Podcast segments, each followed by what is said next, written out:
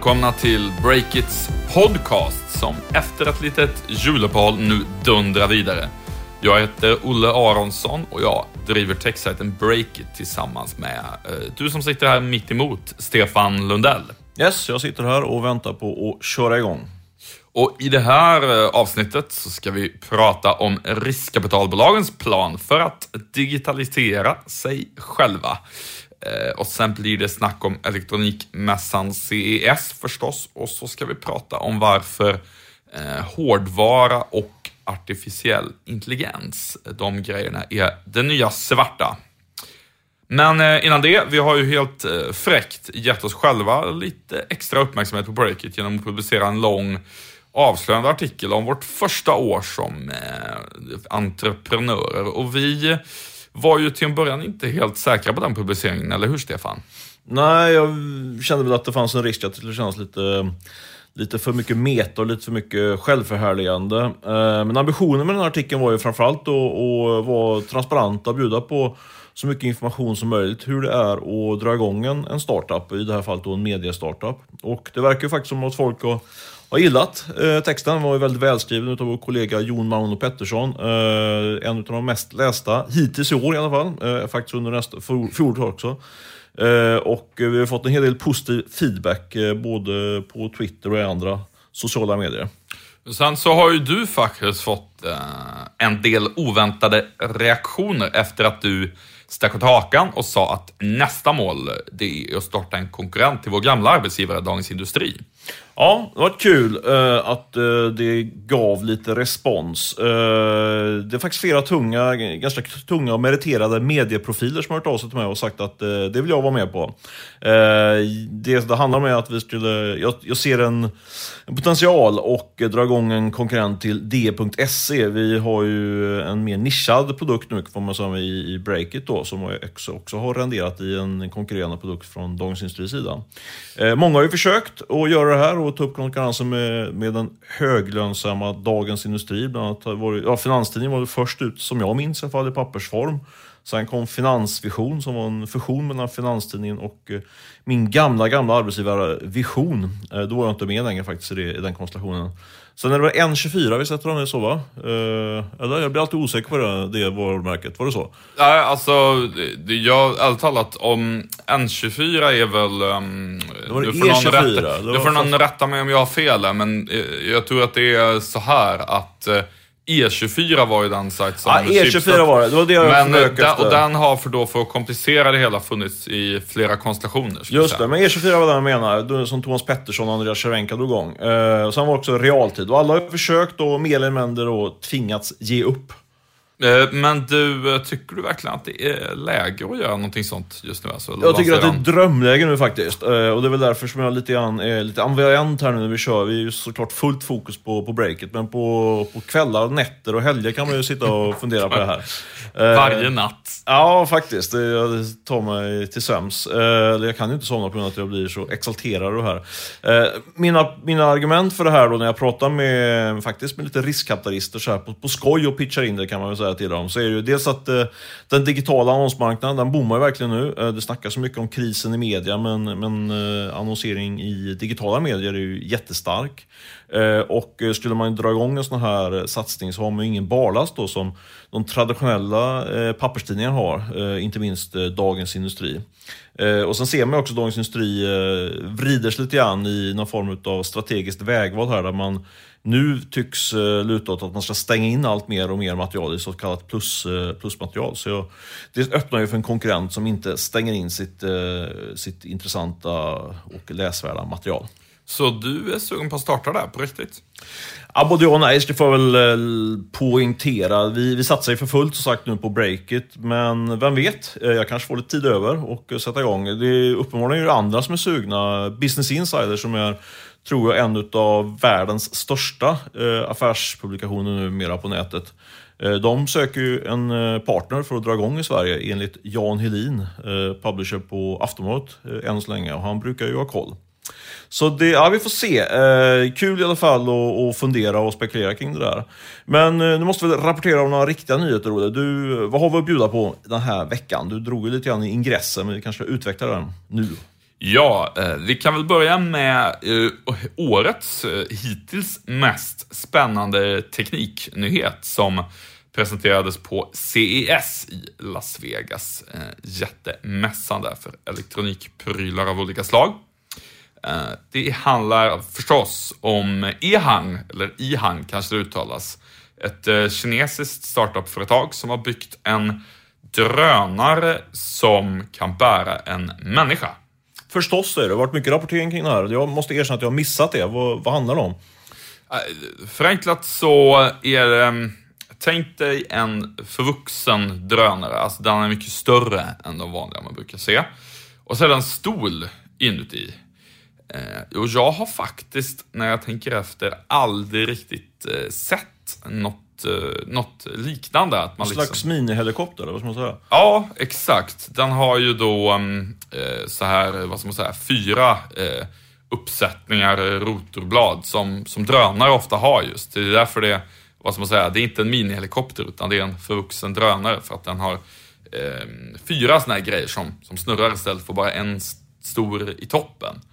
Eh, ni som har kört drönare och sett dem lite närmare förstår nog eh, vad jag pratar om där, även om det är lite svårt att, att visa i radio, så att säga. Eh, Och den här är dessutom självstyrande. Eh, Och det har ju rönt väldigt mycket uppmärksamhet då eh, på CES. Ehm, Så man, är precis, man sätter sig den här, i den här drönaren och sen så knappar man in var man vill åka någonstans och så, och så kör den dit då. Precis, det är tanken. Jag fattar. Och vad är det för fördel med det då? Vad, är, vad, vad, är, vad finns det för affärsmässiga konsekvenser av det? Att man ska... Ja, ja. Det kan man eh, verkligen fråga sig. Eh, För jag menar, en, en poäng med drönare som jag uppfattade det är ju just att man, man slipper ha folk som kör ut saker och ting. Utan det här ska ju gå liksom eh, snabbt och smidigt i luften. Eh, och man sparar massa pengar på det. Det Precis, kanske- ja. det var ju min första reaktion också. Lite grann grejen med drönare och de framtida applikationerna är ju snarare att man ska kunna ta bort människan ur ekvationen för e-handelsleveranser eller vad det nu är. Eh, och vi ska säga då att det här är något som förstås då inte kommer vara tillåtet att flyga runt med på ganska länge. Eh, och om ens någonsin kanske en del till och med frågar sig. Och man kan förstås se det som att det är en prototyp byggd för PR-syften och man kan eh, liksom också fråga sig som du gjorde, vad, vad ska det där egentligen vara bra för? Eh, jag väljer att se det här som att det är en typ av produkt som faktiskt eh, kommer att bli väldigt användbar, men som vi inte har hittat rätt användningssätt för än. Eh, Och jag har faktiskt ett exempel på hur man skulle kunna använda eh, den här typen av eh, drönare. Spännande. Vad då för något då? Jo, det var faktiskt så att igår så Eh, fick jag höra talas om ett drönarbolag från eh, Paris som eh, ansökte till den Malmös nya accelerator Fast Track. De kom inte riktigt med, men de var med i, i liksom, slutintervjuerna där. Och de har tagit fram en teknik för att skicka räddningsutrustning med drönare vid sjöolyckor och laviner så att man snabbare kan komma fram Eh, med eh, ja, vad man behöver för att rädda folk vid en lavin kan inte jag exakt, men ni, ni som kan det närmare kan säkert förstå att någon typ av behov finns det där. Då skulle man kunna ha drönare utplacerade sovande så att säga, runt om i till exempel skärgården och fjällen i Sverige. Och sen när någon larmar om att nu behöver jag hjälp så kan det finnas en drönare som finns mycket närmare än närmsta båt med människor då. Som direkt kan flyga ut och kasta ut en livboj eller eh, vad det nu är som Eh, behövs. Eh, och jag tror om man ser det på det sättet liksom. Ehm, med ny drönarteknik, att de skulle kunna användas för att ja, rädda människor i, i nöd. Om vi tänker då Ihangs eh, eh, drönare skulle kunna flyga ut och mm, man skulle kunna kravla upp i den helt enkelt om man är i nöd någonstans. Då tycker jag det känns mycket mer logiskt med hur man kan applicera den här tekniken. Ja, du får tipsa e-hang där så kanske du kan eh, få jobb som affärsutvecklare, inte vet jag, hos dem. Något annat eh, från CS som vi bör notera? Jag vet, inte- det- jag vet inte vad, vad brukar du tycka om det där? Min, min bild är lite grann att det känns lite grann ändå som att det är same same med nyheterna. Det är mycket internet of things och eh, det känns som att det har varit ganska mycket samma snack senaste Ja, mycket tre om åren. självkörande bilar visst? Nu, Ja, nu, mycket- det, vi pratade faktiskt om det precis innan här. Det känns som att alla nu, när till och med Blackberry ska ha en självkörande bil. Och. Snart, snart har liksom var- vartenda företag en ett självkörande bil Men det är ändå spännande tycker jag när de här stora bilföretagen går liksom all in på, på, i det segmentet. Så är det ju, då är det ju ändå något stort som kommer komma ut utav det där. Så, ja, jag är rätt peppad själv för att följa det där lite närmare på, på breaket i, i journalistisk form faktiskt. Ja, men det, det är ju faktiskt jag med. Om man ska ändå ska koka ner lite grann vad man eh, ser som kanske inte har så mycket att göra med CES egentligen, men som ändå märks där. Det är ju att hårdvara är tillbaka. Att eh, någon gång sådär 2010, 11, 12 så kändes ju hårdvaruutveckling eh, stendött. Det var ju liksom bygga appar, bygga appar. Det är det här som gäller mjukvara för mobilen och eh, ja, Samsung och Apple är de som gör mobilerna, men det var ju liksom ända sedan um, iPhone lanserades 2007 har det ju liksom känns, känns givet att det är, det är inte massa nya startups som, som tar fram den nya hårdvaran, utan det är liksom Apple och, och Samsung och så som gör det. Fast vi har väl eh, ändå sagt att det är investeringsläge i, i eh, hårdvarustartups. Så Precis. kan- och före det- vår tid där, lite grann kanske. Inte Ja, och min bild är, jag tycker verkligen att det där kommer just nu. Och det beror på eh, det som vi har pratat om tidigare, att det är mycket billigare än, än tidigare att bygga hårdvara. Komponenterna är mycket billigare. Och då kan lite mer vem som helst eh, bygga, kanske inte en smart bil då, men klockor, VR-headsets, eh, drönare, eh, solceller, allt teknik som man behöver för att bygga det blir mycket billigare. Och det gör ju att jag tror absolut att det kan vara hårdvarans år eh, 2016. Några besvikelser eller något som var man säga, eh, floppar på CS så här långt som du tycker?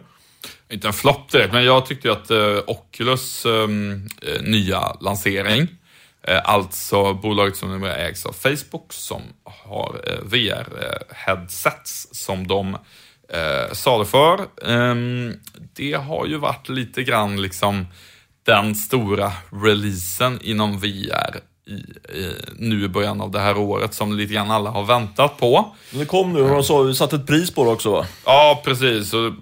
Förenklat kan man säga att eh, eh, Eh, det blir en, en väldigt dyr pryl eh, som dessutom kräver att man har en kraftfull och därmed rätt dyr eh, ja, typ gamingdator för att använda den. Och eh, det är ju säkert kul för de som har rätt mycket pengar och som gillar att spela datorspel rätt seriöst. Men eh, det är ju inte jätteintressant egentligen tycker inte jag. Det, det mest spännande med Oculus är ju liksom sociala delen av VR och vad som kommer hända med det inom, inom Facebook. Eh, den liksom nischade gamingpubliken är ju, ja, det är kul för dem, men det känns liksom inte omvälvande för världen på något sätt med den lanseringen som blev från Oculus.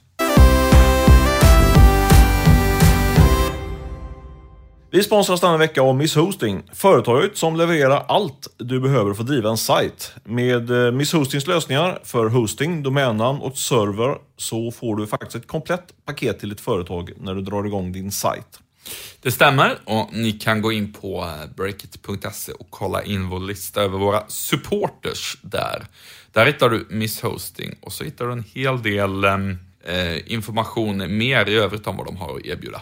Ja, för Miss Hosting är ju vårt första supporter eh, och det är en växande skara. Eh, fler och fler företag blir supporters till oss, men Miss Hosting var först. Tack för det Miss Hosting och sponsor även den här veckan. Vi har ju i eh, nyårshelgen, eh, givetvis sover breaket inte trots att det är nyårshelg. Vi har ju under den helgen rapporterat om att eh, Spotify är på väg att dras in i flera rättsprocesser. Eh, det handlar om att eh, den svenska musiktjänsten ska ha distribuerat musik utan att eh, betala för det till de som äger upphovsrätten. Ja, för, eh, för mig måste jag säga att det var en rätt anmärkningsvärt nyhet. Eh, lite grann försvann det väl, får man säga, den här nyårsyran som alla drabbas av. Eh, jag har grävt vidare eller om jag ska vara helt ärlig, så har jag framförallt läst om det som den amerikanska musikbranschsajten Billboard har skrivit i ämnet. Och det är en nyhet för mig, men Spotify har ju lite förenklat helt enkelt struntat i att ta reda på vem som äger musiken som de distribuerar. Inte allt såklart, men en inte oförsvarlig del eh, är det i, på det sättet. Eh, och enligt Billboard handlar det då eh, om över 20 miljoner dollar som Spotify helt enkelt är skyldiga då, olika upphovsrättshavare eller innehavare. Och i mina öron låter det där lite oroväckande. Vad, vad tycker du Olle? Ja, eh, jag hajade verkligen till när jag såg det där. Den bilden som jag tror Eh, allmänheten i stort, eh, liksom, och vi också för den delen har haft det där, det är att Spotify, de betalar ju sina rättighetspengar. Liksom. Det, har inte varit, det har inte varit något snack om det i min värld. Um, men Spotifys förklaring nu till att det har blivit så här, det är att eh, i många fall är det så krångligt att ta reda på vem som egentligen äger rättigheterna till en del musik och därför så har bolaget låtit bli att betala ut och har liksom sparat undan de pengarna i en, i en fond i väntan på att hitta rätt så att säga. Uh, och eh, Spotify skrev då till oss i nyårshelgen att citat, den data som behövs för att bekräfta vilka som är de korrekta rättighetsinnehavarna, den är ofta antingen saknad, felaktig eller ofullständig. Uh, och så kan det säkert vara i vissa fall, uh, eller så tror jag absolut att det är till och med, men vad som jag blir rätt fundersam på det är att eh, och då lite grann också i och med att vi själva producerar upphovsrättsskyddat material, det är varför väljer man att eh, sprida ett material eh, innan man har tagit reda på vem som egentligen äger det? Eh, en, ett synsätt skulle kunna vara att eh, man, tar, man väntar helt enkelt tills det att man faktiskt vet vilka alla upphovsrättshavare är innan man börjar sprida någonting. Det, det är ju inte en helt orimlig inställning heller. Eh, man kan också fråga sig hur långt har Spotify egentligen gått för att ta reda på det här? Är det att det inte fanns något smidigt digitalt register som de kunde jacka upp sig mot? Alltså, hur noga har de egentligen letat? Har de åkt runt och frågat i städer i USA liksom? Vet du vem som äger det här? Det, det, det är också relevant att, fråga sig tycker jag. Och jag skulle svara nej, det har de inte, utan att veta. Alltså jag tror ju min, och det här är bara en, eh, en eh, en spekulation, men jag tror att de helt enkelt eh, inte fokuserar på det. De har, de har gangstat här lite grann eh, och eh, känt att eh, det där löser vi efterhand. Liksom. Eh, men, men skulle de ta reda på alla innehållsproducenter som de ska distribuera vidare sen via Spotify, då hade de inte varit igång nu. Liksom. Så det, det, det tar ju så lång tid. Eh, så ja, det där är lite intressant att se hur, hur, de, hur de löser det där. På något sätt gör de nog det. De har ju satt av en hel del pengar för att för att eh, ta den där smällen. Eh, och ska man vara lite konspiratoriskt ladd så kan man ju konstatera att Spotify precis innan jul gick ut i ett bloggmeddelande där de skrev då att nu ska vi ta tag i det här på allvar och på att bygga upp en, en, någon form av databas kring det här. Och eh, sen av en händelse då, en och en halv vecka senare, så kom det in då två stämningar kring i det här fallet. Så de kanske tyckte de var bättre att förekomma än förekommas. Du, ett ämne som blir ehm, allt mer relevant för Spotify, det är ju eh, AI. Eh, de vill ju göra sina algoritmer allt smartare för att kunna rekommendera musik som vi förhoppningsvis eh, ska gilla och ta till oss. Och de är inte de enda som sysslar med artificiell intelligens. Svårt att säga det där, artificiell på svenska märker jag. Faktum är ju att folk som jag har pratat med säger att det här är ett av de riktigt stora investeringstemana för 2016. Uh, eh, och uh, det kan jag bekräfta. Jag har också pratat med folk som redan 2015 började prata om det här, men jag vet inte om de gjorde några investeringar. Men det kanske kommer det här året då. Ja, det är ju lite svårt att... Vad menar man egentligen med AI också? I viss mån är ju alla möjliga appar smarta, så att säga. Och Googles eh, sökmotor är ju AI på något sätt, skulle man kunna säga. Men eh, vad som är skillnaden nu då, enligt de, eh, både en tung investerare jag pratade med innan jul och faktiskt senast en person som träffade... Kan det vara samma investerare? Jag hoppas vi har flera källor på det här. flera av varandra oberoende åtminstone. um, men sen pratade jag faktiskt med ytterligare en person som träffar mycket folk i branschen igår. Uh, som sa att... Uh, Vilken bransch? I ehm, alltså startup-industrin okay. Sverige överlag. Inte AI-branschen specifikt? Uh, ja, det också. Uh, ja. Men och där är, uh, vad det här liksom beror på det är att AI är på väg att gå från uh, lite den här Terminator 2-mystiken av något, lite grann sådär något som väldigt avancerad programmering man sysslar med i en källare för att bygga smarta datorer. Det är på väg att gå från det till att det mer finns ja, halvfärdiga AI-lösningar man kan jacka upp sig mot och tillämpa på lite alla möjliga saker. Nu förenklar jag ju, men eh, ni, du fattar vad jag menar. Och då, vad som skulle kunna bli hett i år då är till exempel appar som eh, på ett smartare sätt hjälper dig att boka möten, boka resor, ja, eh, all, alla sådana här grejer som, eh, som lite grann Apple och Eh, Facebook eh, och Google vill ha i sina, liksom, i sina såna här personliga assistenter, men ja, nischade sådana om, om du begriper vad jag menar. Jag tror du är helt rätt ute. En annan liten intressant datapunkt tycker jag där, det var att jag läste faktiskt på Aftonbladets kultursidor om en lång artikel kring, kring riskerna liksom, med AI och hela robotarna som tar över och så vidare. Och det tycker jag är ett eh, ett tecken på att det här börjar bli lite sådär uh, allmängods eller något som sprider sig liksom ut i många olika kanaler. Så det, ja, jag tror att det här är ett jättespännande tema som vi får anledning att återkomma till gång på gång på gång under 2016. Absolut, jag måste bara flika in det. Jag fick faktiskt reda på ett företag um, uh, i, igår också som, som, skulle kunna vara relevant för oss på Breakit. Mm. Uh, det finns en uh, ny startup som heter Lead Wizard Eh, Eh, som hjälper företag som säljer eh, alltså B2B-annonsering, alltså annonsering från företag till företag, att hitta nya kunder med hjälp av en ja, digital robot. Eh, och det är ju relevant för, för breaket, det, det är det jag menar. Det, det kommer lite alla möjliga små applikationer av artificiell intelligens och det kommer vi liksom alla beröras av på olika sätt under året tror jag. Nu ska vi prata om eh, vad man i en rubrik kan kalla för Nu vill riskkapitalisterna också bli startups.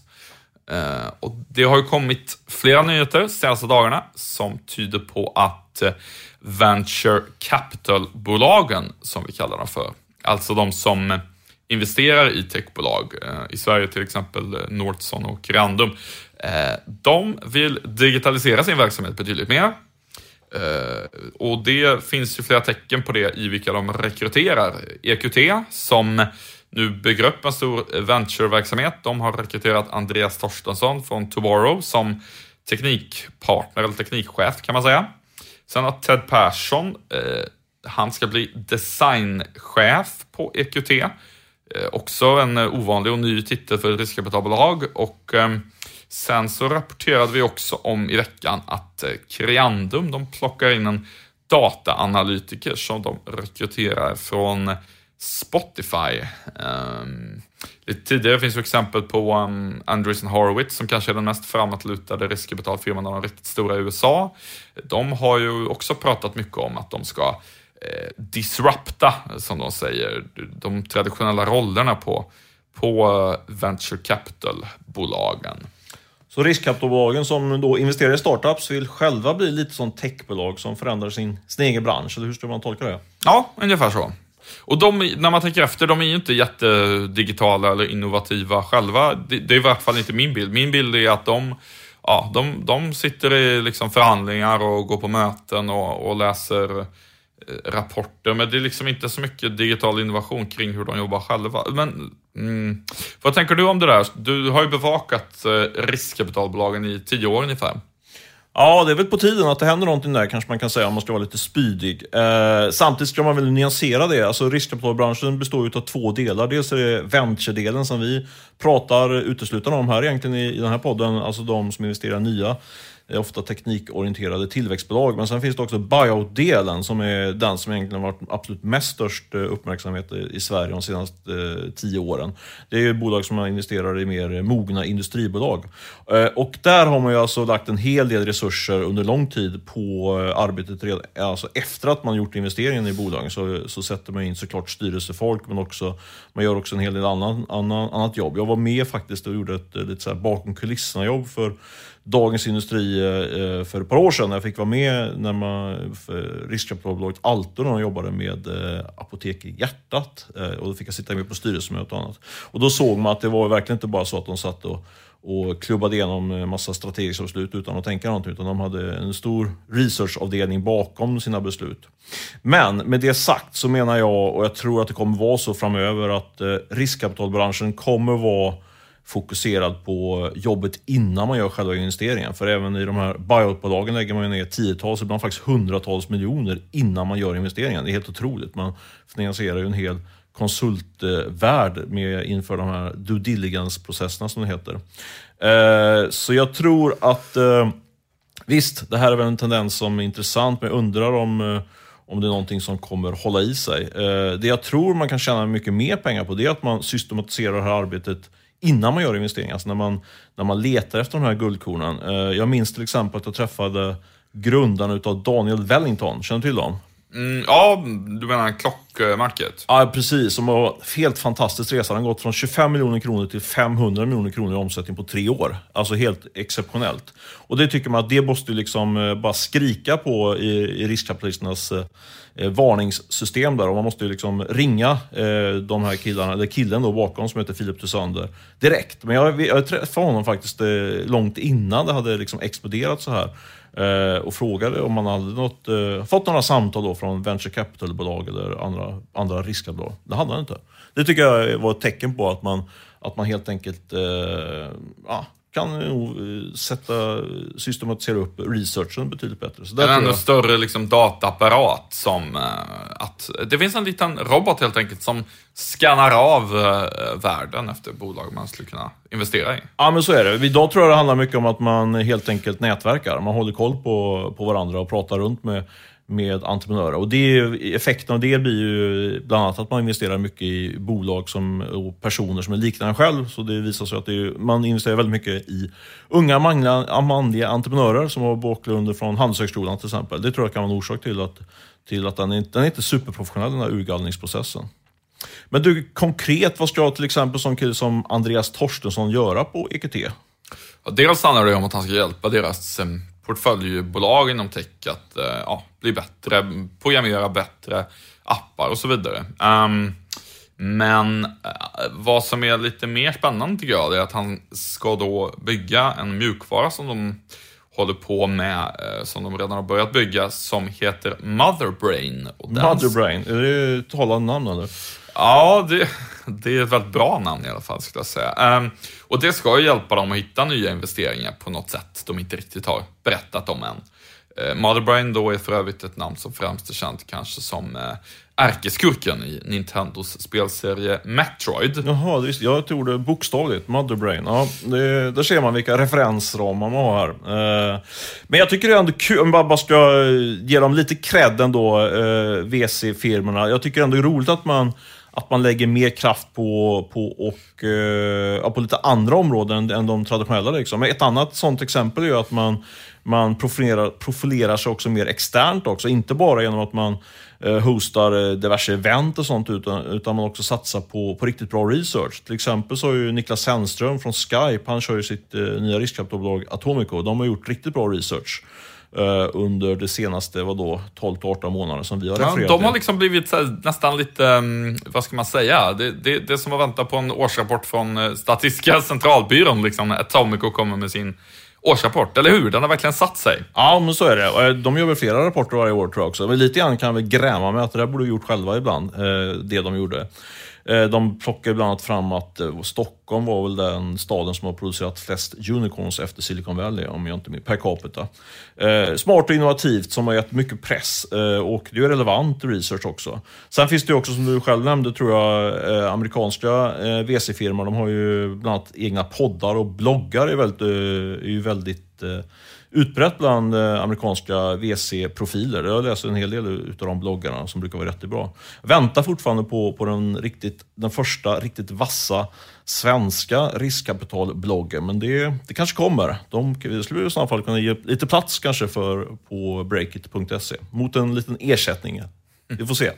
Ja, och sen vill jag att de ska starta podd också. Det, det, det, för det, det, jag läser inte så mycket av bloggarna, men Anderson Horowitz podcast, eh, AZ16, den, den lyssnar jag verkligen på. Mm. Eh, och det var kul. Det, det, skulle ju vara coolt om någon av de, någon av de nordiska körde igång med något, någon motsvarande podcast. ja, den är verkligen eh, lite så kat, eh, pigg kan man säga. För de, de är snabbt ut och kommenterar nya saker som händer i, i techvärlden. Och oftast har de ju en betydligt mer initierad liksom, view eller take eller vad man nu ska kalla det, än, än vi och andra techjournalister om man ska vara det. De sitter ju liksom lite som insiders. Eh, så tycker jag absolut att, eh, att det är. De, framförallt tycker jag det är härligt att höra. Mm, de, de, har ju ofta information om hur deras, deras portföljbolag liksom, som ska bygga de här apparna till Apples nya operativsystem och så. Hur ser de på det här? De får, ja, de får väldigt bra information. De gör säkert någon, någon, någon rundringning eller så efteråt till portföljbolagen efter det har kommit nya nyheter och så för att få reda på vad det betyder det här för er. Det, det är coolt. Eh, du, det är um, dags att runda av det här avsnittet. Vi tackar så mycket för att ni fortsätter lyssna på oss. förstås. Och vi ska eh, också tacka Beppo ljudproduktion som klippte och spelade in det här. Eh, något annat vi vill eh, meddela lyssnarna, Stefan? Mm, nej, det är det inte. Det är bara att hänga på här på breaket och så är vi tillbaka om en vecka igen. Ha det så bra! Ha det gott, hej!